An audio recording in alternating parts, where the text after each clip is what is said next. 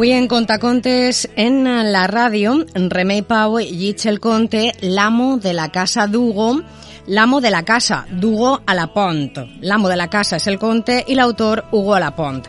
El llig en Remei Pau i va dedicat als xiquets i xiquetes que tant avui divendres com demà dissabte i el diumenge celebren el seu aniversari, és a dir, compliu anys. Avui divendres celebra el seu aniversari Esther Jiménez Aparici, Abdur Rahman Natsayi Ibrahim, Edu Carpi Jiménez, Gerard Ortiz Bria, David Levchenko, Ainara Andújar Paños, Adrià Mercade Fariñas, Valentina San Martín Chaparro, Álvaro Gómez Serena, Mar Adama Benito, Omnia Jabrou i Miguel Llopis Bono.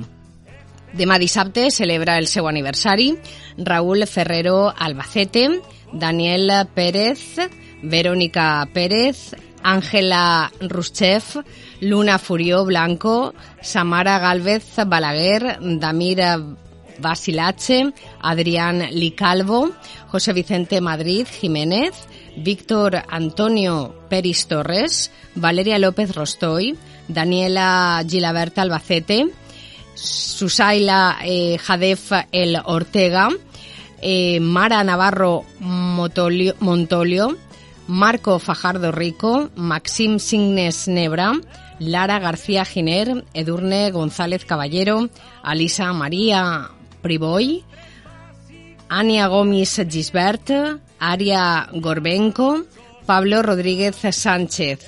I el diumenge celebra el seu aniversari Miquel Castera Juan, Andreu Merenciano Esteve, María Arbona Mongort, Jorge Piera Piqueras, Daniela Cuesta Vázquez, Carlota Olivas Llopis, Hugo Pascual Fallos, Carmen Guerrero Benítez i Aitana Sánchez Martínez. Per a tots vosaltres, moltíssimes felicitats. Ens quedem escoltant a Remei Pau amb l'amo de la casa, Dujo a la Pont. Primavera educativa, primavera de color. Soc Remei he escollit un conte del primer concurs de contes per la igualtat titulat L'amo de la casa, primer premi de la categoria A de tercer de primària, autor Hugo Alapont Gil, i diu així. Pau Ferrer era un alt directiu d'una grandíssima empresa que treballa per tot el món i part de la galàxia, ja que l'empresa de Pau feia satèl·lits i naus espacials. Pau Passava molt de temps fora de casa, viatjant d'ací cap allà. Nova York, Tòquio, Barcelona, París, Londres, etc. Això feia que Pau no parara molt per sa casa. Pau està casat amb Mariola Martí, que és infermera, i tenen quatre fills. Pep, de 10 anys, Marieta, de 7 anys, i els bessons Carla i Jaume, de 4. Bon dia, Pau es despertà en un hotel de Hong Kong. Va fer un poc d'exercici al gimnàs de l'hotel i, en arribar a la seva habitació, va connectar en la televisió el canal internacional i va veure les notícies d'Espanya mentre es dutjava. De sobte, va escoltar que la seva empresa havia desaparegut. La crisi econòmica havia acabat amb ella. De seguida, va telefonar a la seva central de París, però no li van agafar el telèfon. I després de parlar amb la seva dona, Mariola, va decidir agafar el primer avió i tornar immediatament cap a casa. Pau va passar de ser un alt directiu a ser amo de casa.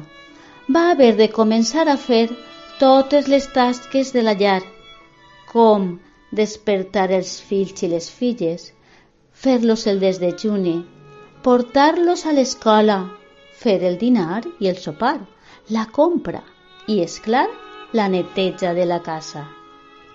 Abans tenien ajuda d'una empleada de la llar, però ara, econòmicament, no poden. A més a més, Mariola havia de fer moltes guàrdies a l'hospital per a poder arribar a final de mes. Pau, un dia li va confessar a Mariola que havia vist quan treballava la seva dona dins i fora de casa. Pau va fer dues entrevistes de treball en l'última setmana i, finalment, el van seleccionar per als dos treballs. L'un era una altra volta viatjar per tot el món i l'altre de menys salari, però era treballar al costat de sa casa. Finalment, va decidir quedar-se amb el treball de menys salari, sobretot per poder compartir les tasques de la casa amb la seva dona. Les seues filles i els seus fills tenien molta satisfacció de tindre un pare i una mare que compartien totes les tasques a mitges. Espere que vos hagi agradat. Un conte diferent.